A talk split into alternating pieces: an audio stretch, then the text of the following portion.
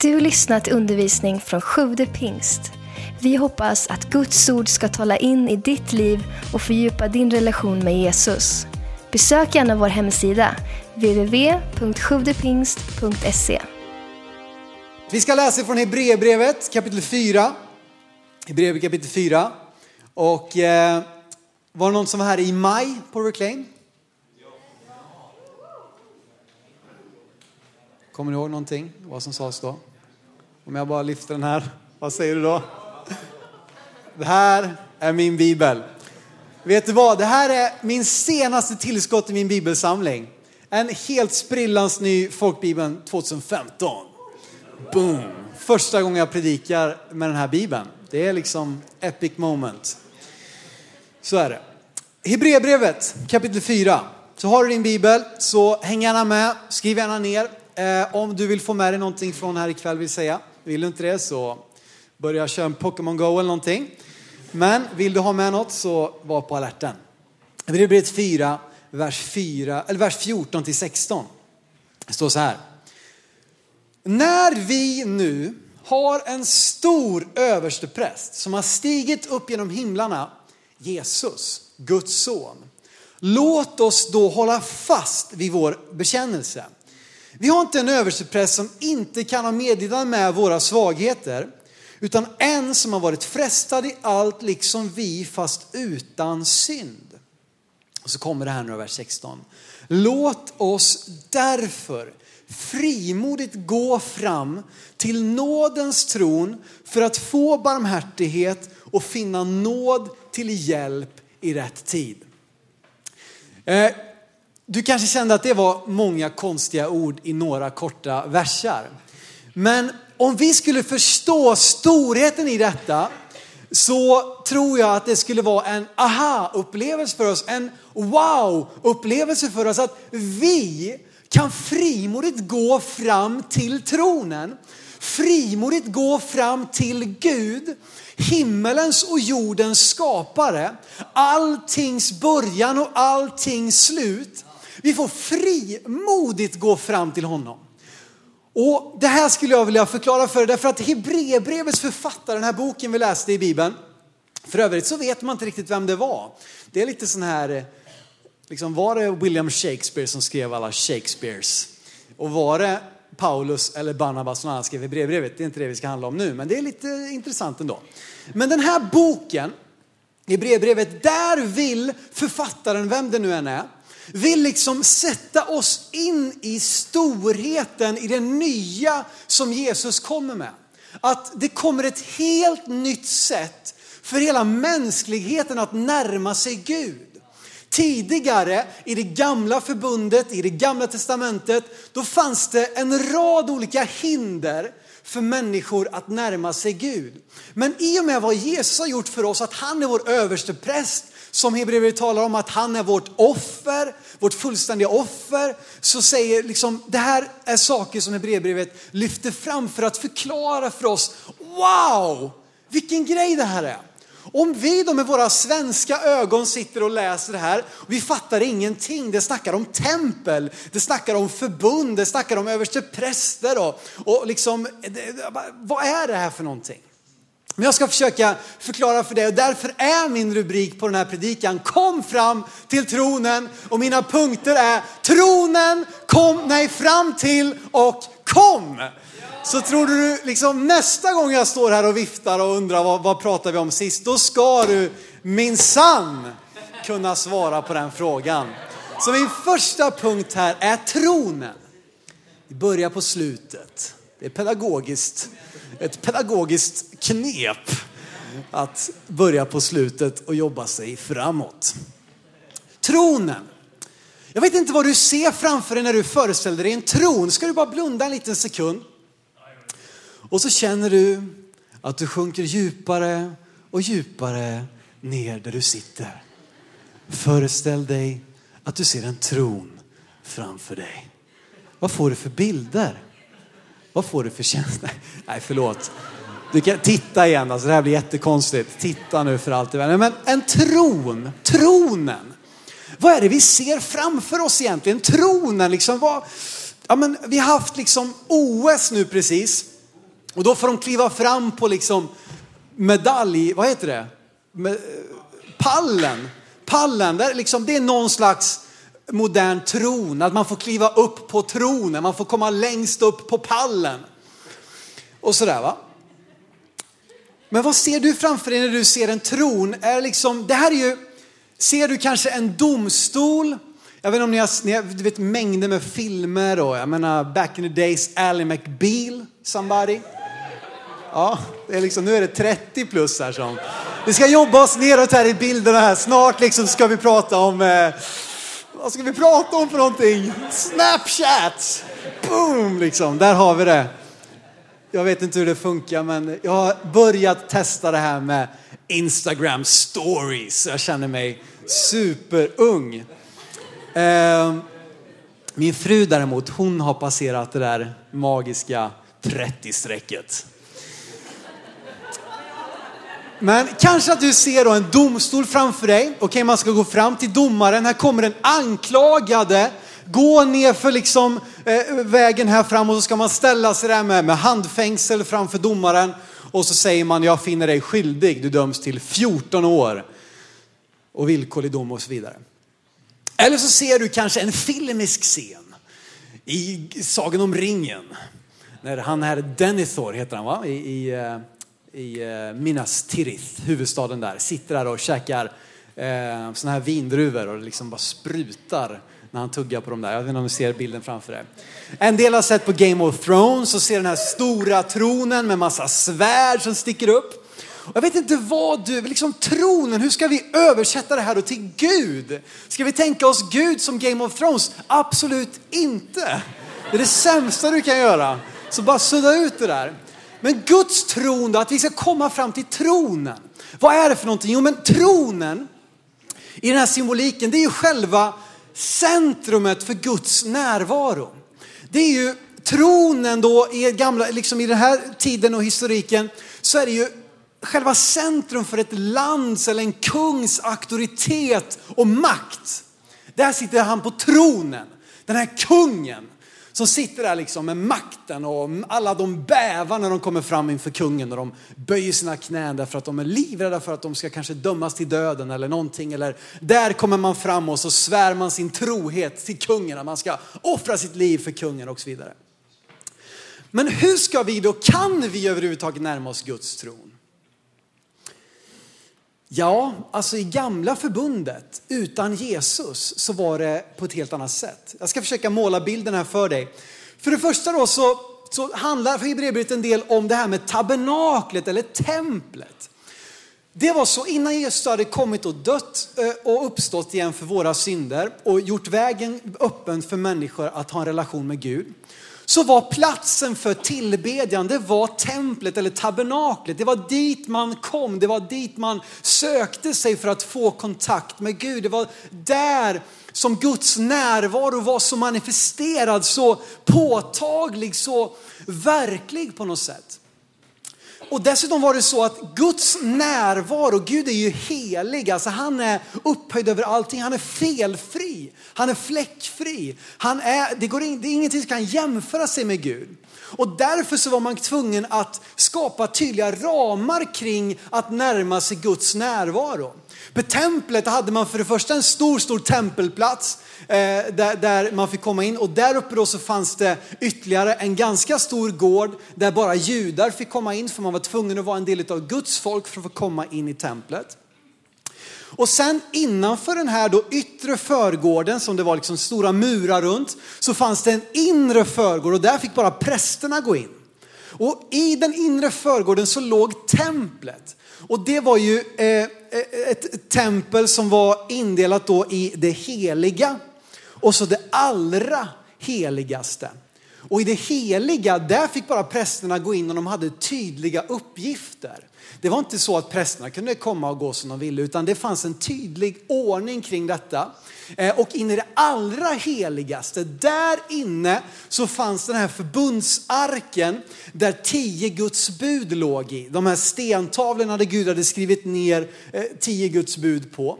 Och det är ju liksom själva symbolen i det gamla testamentet för Guds närvaro och kontakten mellan Gud och människan.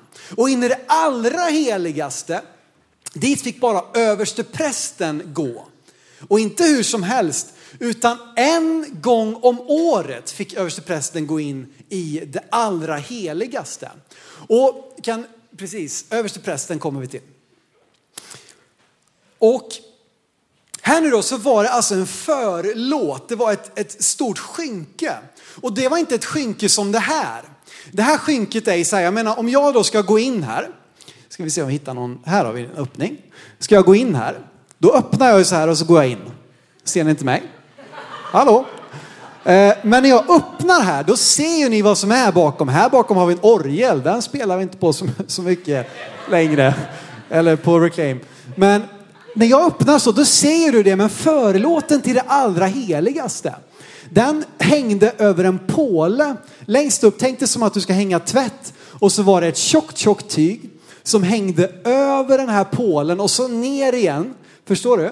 Så att det är liksom när, när översteprästen skulle gå in där, då gick han in så här. Tänk dig att den här nu hänger runt där. Då gick han in så här bredvid och så gick han liksom hela vägen bort här. Och här då kunde han då gå in bakom så att ingen skulle se in i det allra heligaste.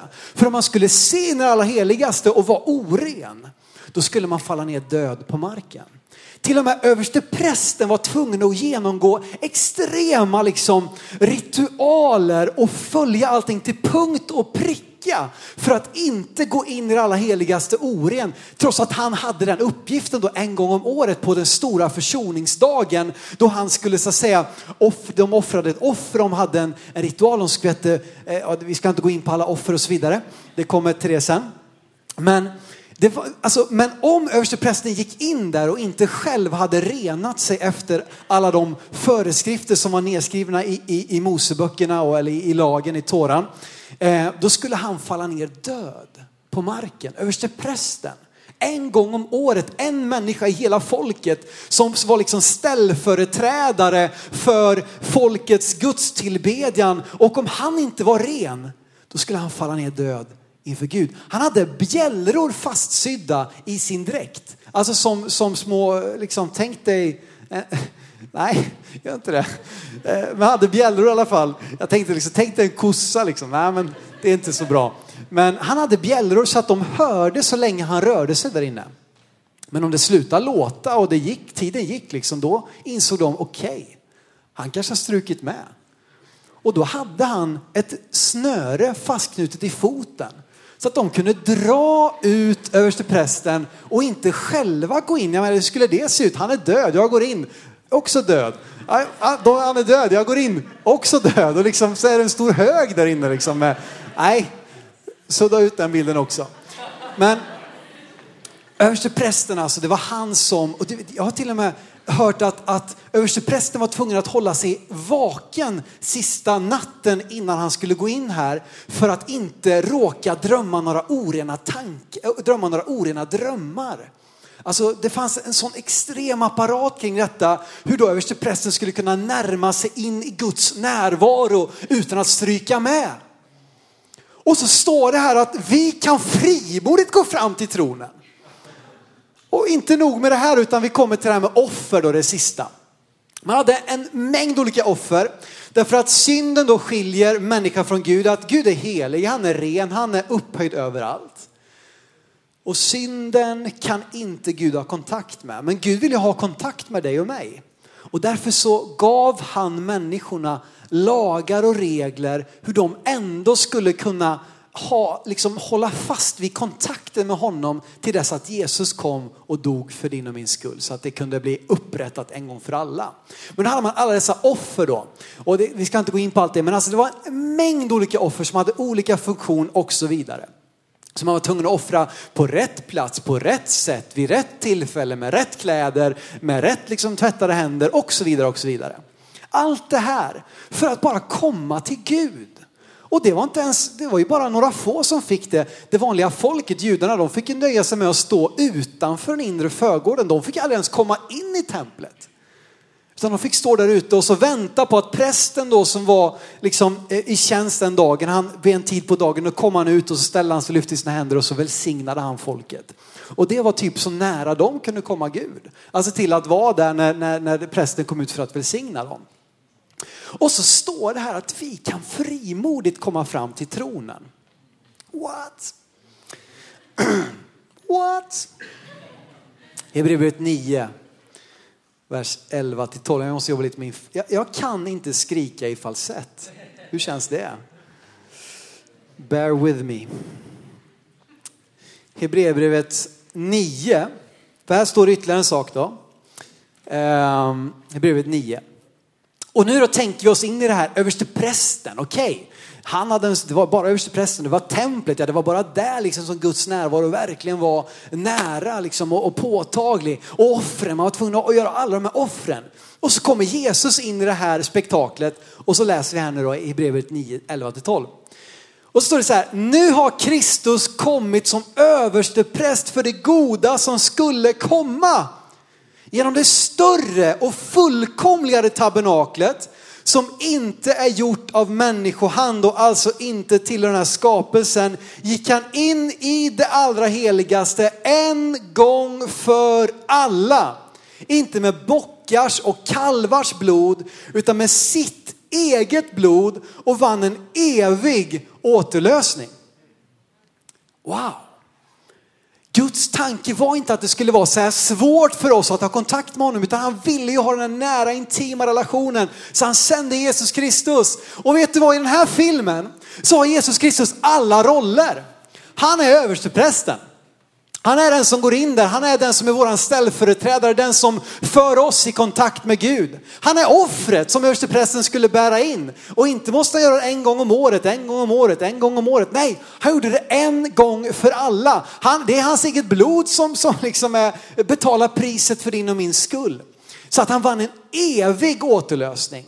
Alltså en evig förlåtelse, en evig utbildning utplåning utav synden. För problemet med den gamla offren, det var att de kunde bara täcka över synden.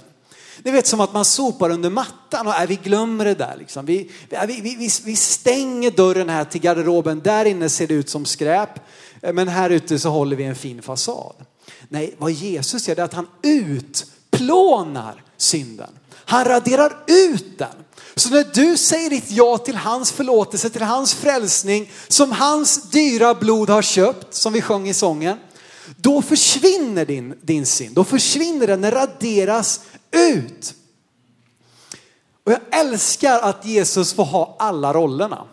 Och sen får vi, vi får komma in som du vet statister och bara njuta liksom och få komma in och vara en del av detta storslagna, episka verk som vinner alla Oscars genom alla tider. Och vi får bara glida in. Trots att vi inte har någon liksom förmåga att, att göra någonting av det som ska göras så tillåter Gud oss att komma in och faktiskt inte bara bli statister. Inte bara stå på avstånd och titta. Det är det vi ofta gör som kristna. Vi kommer till kyrkan och kanske du känner det nu liksom att Väldigt var långt bort kanske var liksom. Vad är grejen här? Men det här är lite, så här är lite approachen. Du sitter ju inte så här, men i ditt hjärta kan du vara så här till det som händer här framme. Att du kommer lite och så tittar lite på avstånd. Men vad Gud bjuder dig in till det är att komma fram till tronen. Grymt va? Och det för mig det för mig osökt in på punkt nummer två. Fram till. Fram till. Vi ska ju gå dit, vi ska röra på oss, vi ska ta oss någonstans, vi ska gå fram till någonting. Vi ska inte bara sitta där på din rumpa och vänta på, på att de stekta sparvarna ska flyga in i munnen på dig. Hassan, någon? Ja, några stycken. De som är 25 år känner igen Hassan. Busringning. Just det. Du ska komma fram till.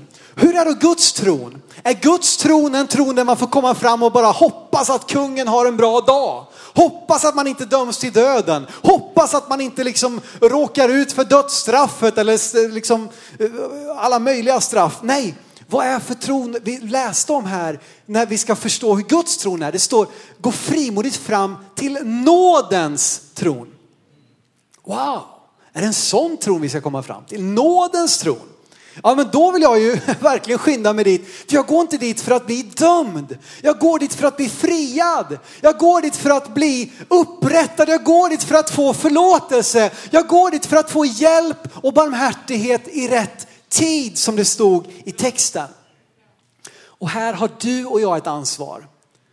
Det här vittnar om vad, vad som är din och min roll. Är våran roll att se till att tronen är liksom putsad och fejad? Nej, men det har Gud koll på. Men du har faktiskt ansvar i att gå fram till. Att röra på oss lite grann. Att våga ta ett steg till. Att närma oss Gud. Och det finns ett så fantastiska löften i detta att när vi närmar oss Gud så ska han närma sig oss. Men han väntar på dig.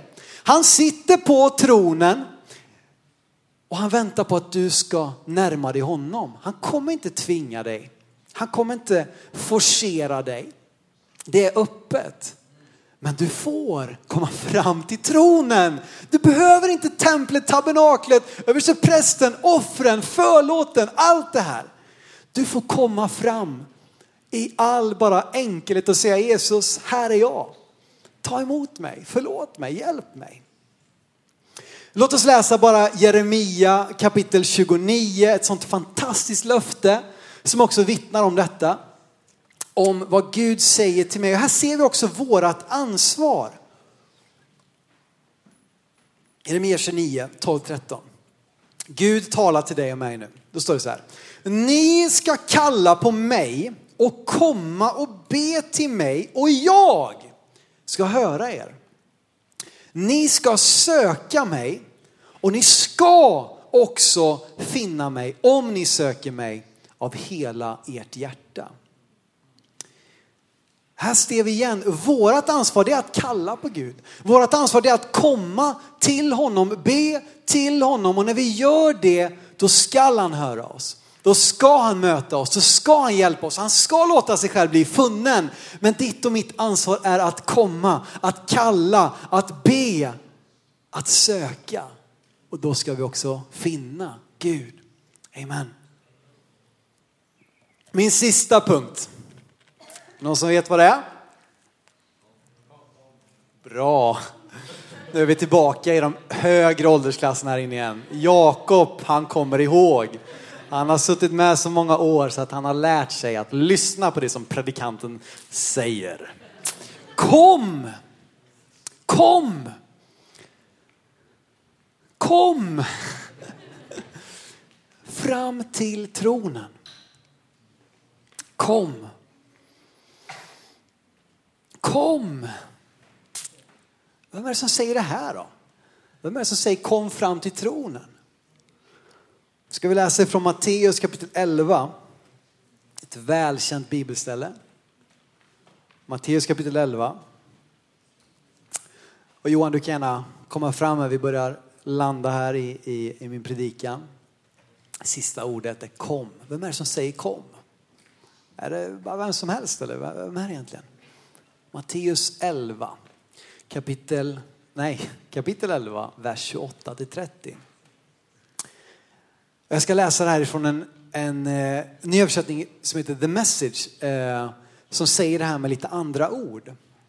Ett välkänt bibelställe som handlar om när Jesus talar till dig och mig. Och så står det så här i, eh, i Matteus 11, 28, 30.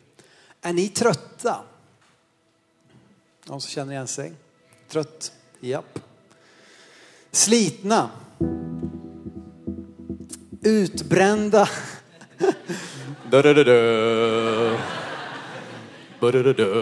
Har du, kan du den eller?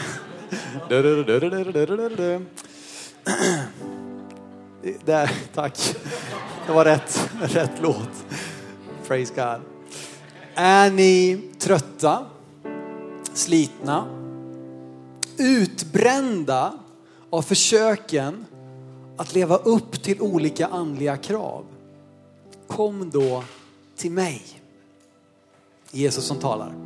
Fly med mig så ska ni få tillbaka livet. Jag ska visa er vad man kan få vila ut. Kom med mig Se hur jag gör. Känn nådens otvungna rytm. Jag ska inte lägga på i något som är tungt eller otympligt. Följ mig så ska ni få lära er att leva fritt och lätt. De lite mer bekanta orden är kom till mig alla ni som är tyngda och bär på bördor. Det är Jesus som säger det. Kom fram till, det är ditt ansvar, men du ska veta att du är bjuden. Hur vet jag om jag får komma? Jo, därför att Jesus säger kom. Kom. Han säger till dig kom. Han säger till dig nu den här kvällen, kom. Och där vet vi, i det enkla korta ordet så vet vi att vi är välkomna. Vi vet att vi har rätten att komma därför att Jesus är den som kallar. Jesus är den som säger till dig kom. Kom fram till tronen. Och då undrar man liksom, vart är tronen någonstans? Ganska viktig fråga, vart är den någonstans? Det står här att tabernaklet som Gud, som Jesus har byggt upp i och med sin död och uppståndelse. Det är inte längre ett tabernakel, en plats som är byggd av människohand. Utan det är någonting större. Och Gud är Jesus säger så här att där två eller tre är samlade i mitt namn, där är jag mitt ibland er. Så att tronen är här. Guds tron är här.